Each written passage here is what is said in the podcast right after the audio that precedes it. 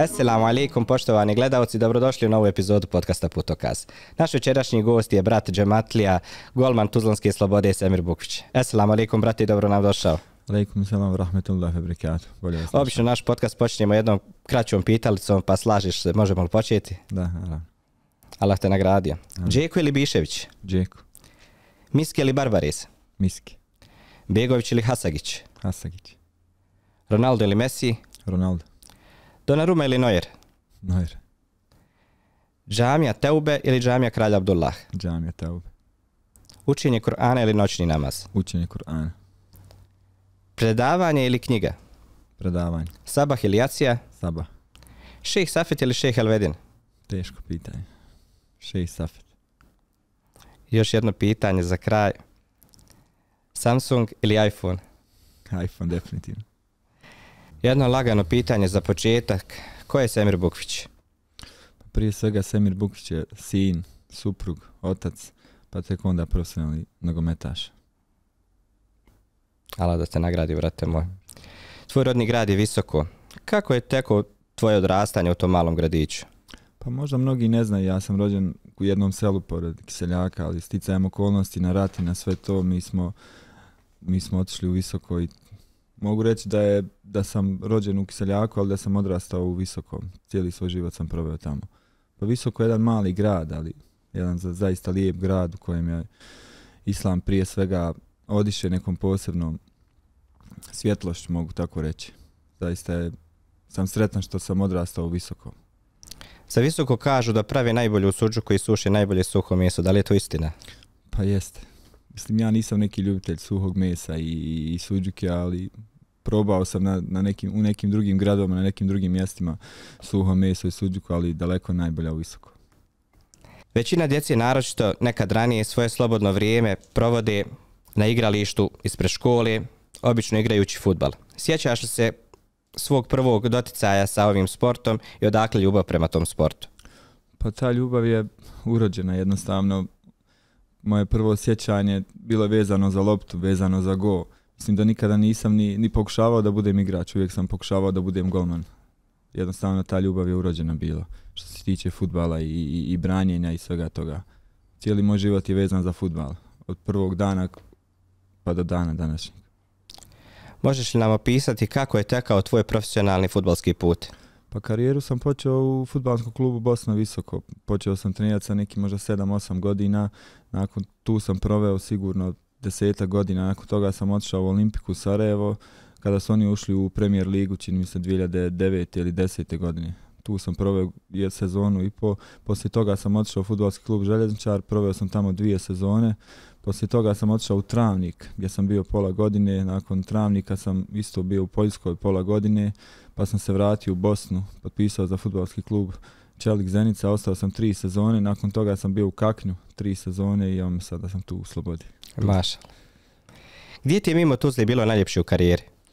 Pa ja uvijek samo pamtim lijepe stvari, mislim, u svakom gradu ima nešto posebno i pamtim samo te lijepe stvari, tako da ne, ne, ne mogu posebno izdvojiti gdje mi je bilo najljepše, bilo mi je lijepo zaista u svakom gradu. Koji ti je najbolji trenutno futbaler na svijetu, a koji golman? Pa po mom nekom skromnom mišljenju postoje dva najbolja futbalera koji su to dokazali već dugi niz godina, Ronaldo i Messi, sada da bi ne mogu izdvojiti jednog od njih dvojice. A golman? A to je definitivno Manuel Neuer. Trenutno, na, po meni zadnjih deseta godina najkompletniji golman koji je branio. Velika je razlika plata futbalera u Evropi kod nas. Da li smatraš da su te razlike odraz razlika u kvaliteti između tih futbalera? Pa sigurno da, da postoji neki odre, da postoji određena razlika u kvalitetu. Ne bi neko davao toliki novac da ne postoji tolika razlika u kvalitetu, ali mislim da je to previše precijenjeno. Da, je, da nije, realno, nije realno da se toliko plaćaju neki futbaleri. Koja ti je najdrža utakmica u karijeri? Pa meni najdrža utakmica u karijeri je moj debi za mladu reprezentaciju Bosne i Hercegovine u Grčkoj kada smo pobijedili 1-0. Kako bi opisao stanje futbala u našoj domovini? Pa stanje futbala u našoj domovini se znatno popravlja zadnjih, zadnjih godina. Ja već igram nekih 15 godina možda Premier ligu Bosne i Hercegovine, desetak.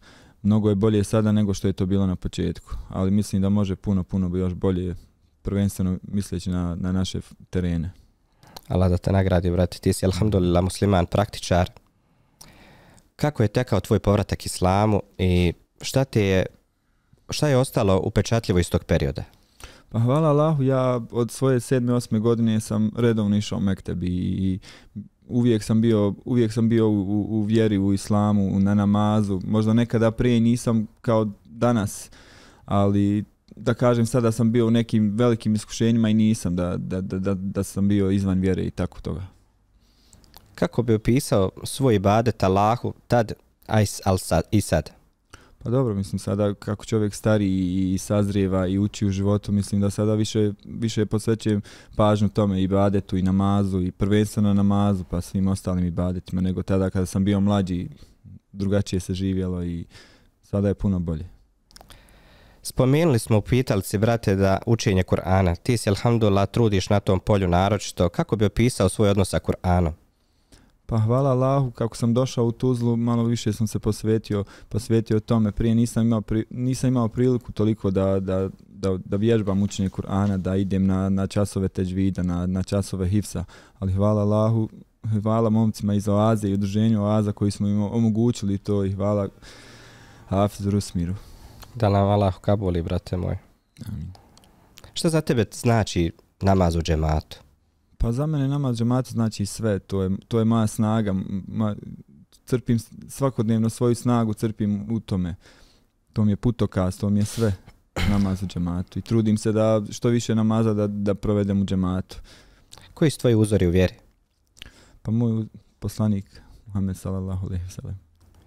Da li je lakše odbraniti penal ili sačuvati se nekog grijeha?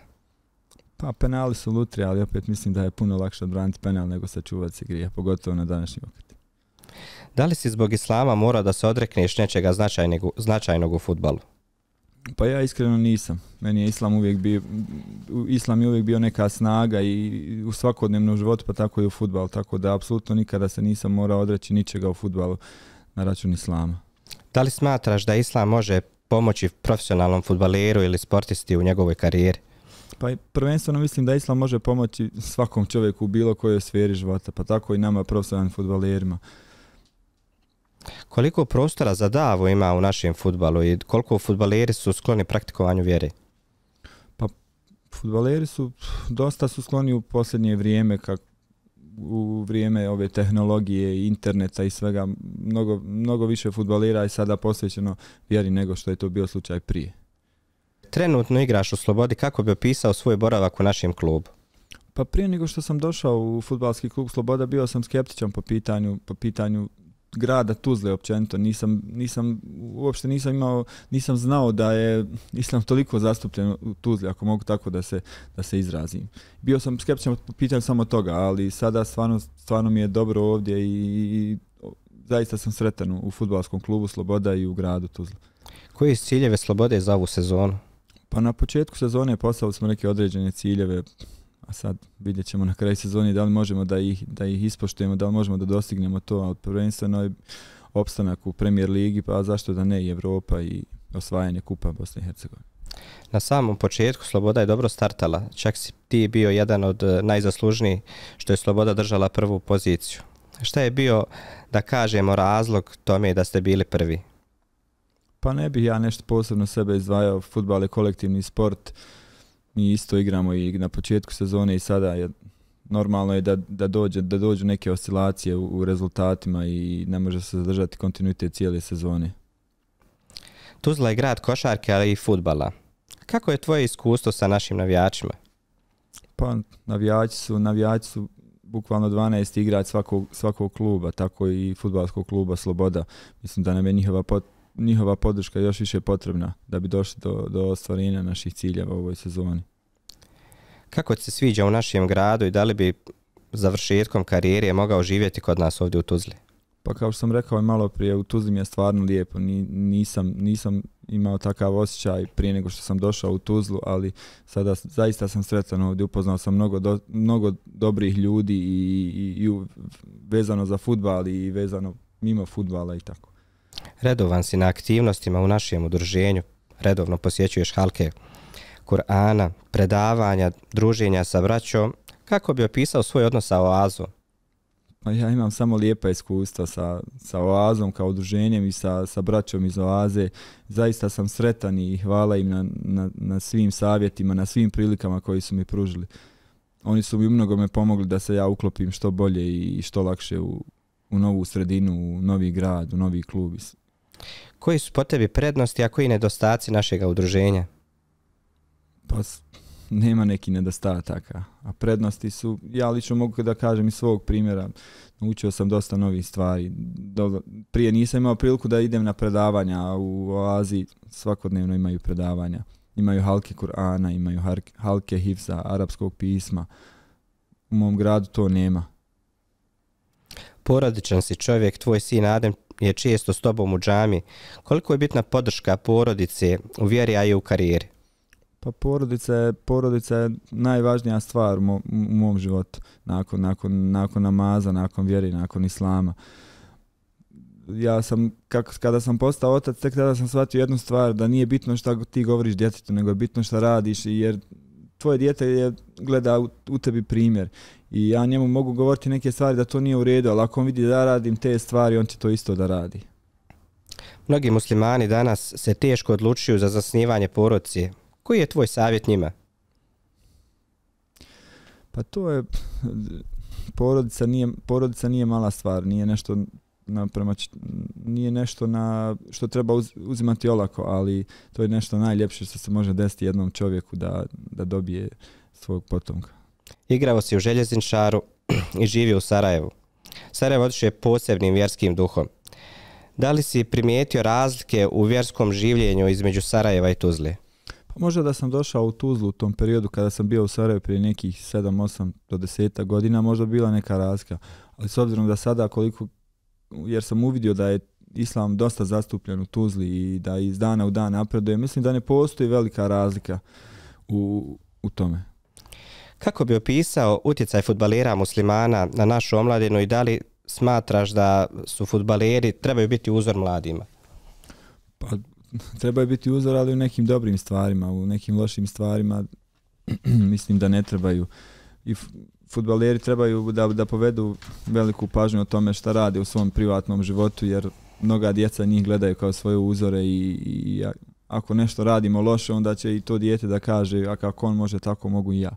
Mislim da na to treba da obratimo veliku pažnju. Da li bi nam mogao za kraj uputiti jednu poruku za mlade ljude koji prati naš podcast? Pa s obzirom da je moj život usko vezan sa sportom, da sam ja profesionalni sportaš, preporučio bi svim mladim dječacima djevojčicama da se bave nekim sportom u životu. Jer to će ih odvojiti od ulice, od, od, od loših stvari i, od, i odgojit će ih u pravom smjeru. Allah da te nagradi, brate, na izvojenom vremenu. Amin. Drago mi je bilo, nadam se da će još biti prilike da se druži. Hvala vam na pozivu. Amin, ako Bog. Hvala i vama, dragi gledalci i slušalci i svi oni koji nas prate putem podcast platformi. Assalamu alaikum wa rahmatullahi wa barakatuh.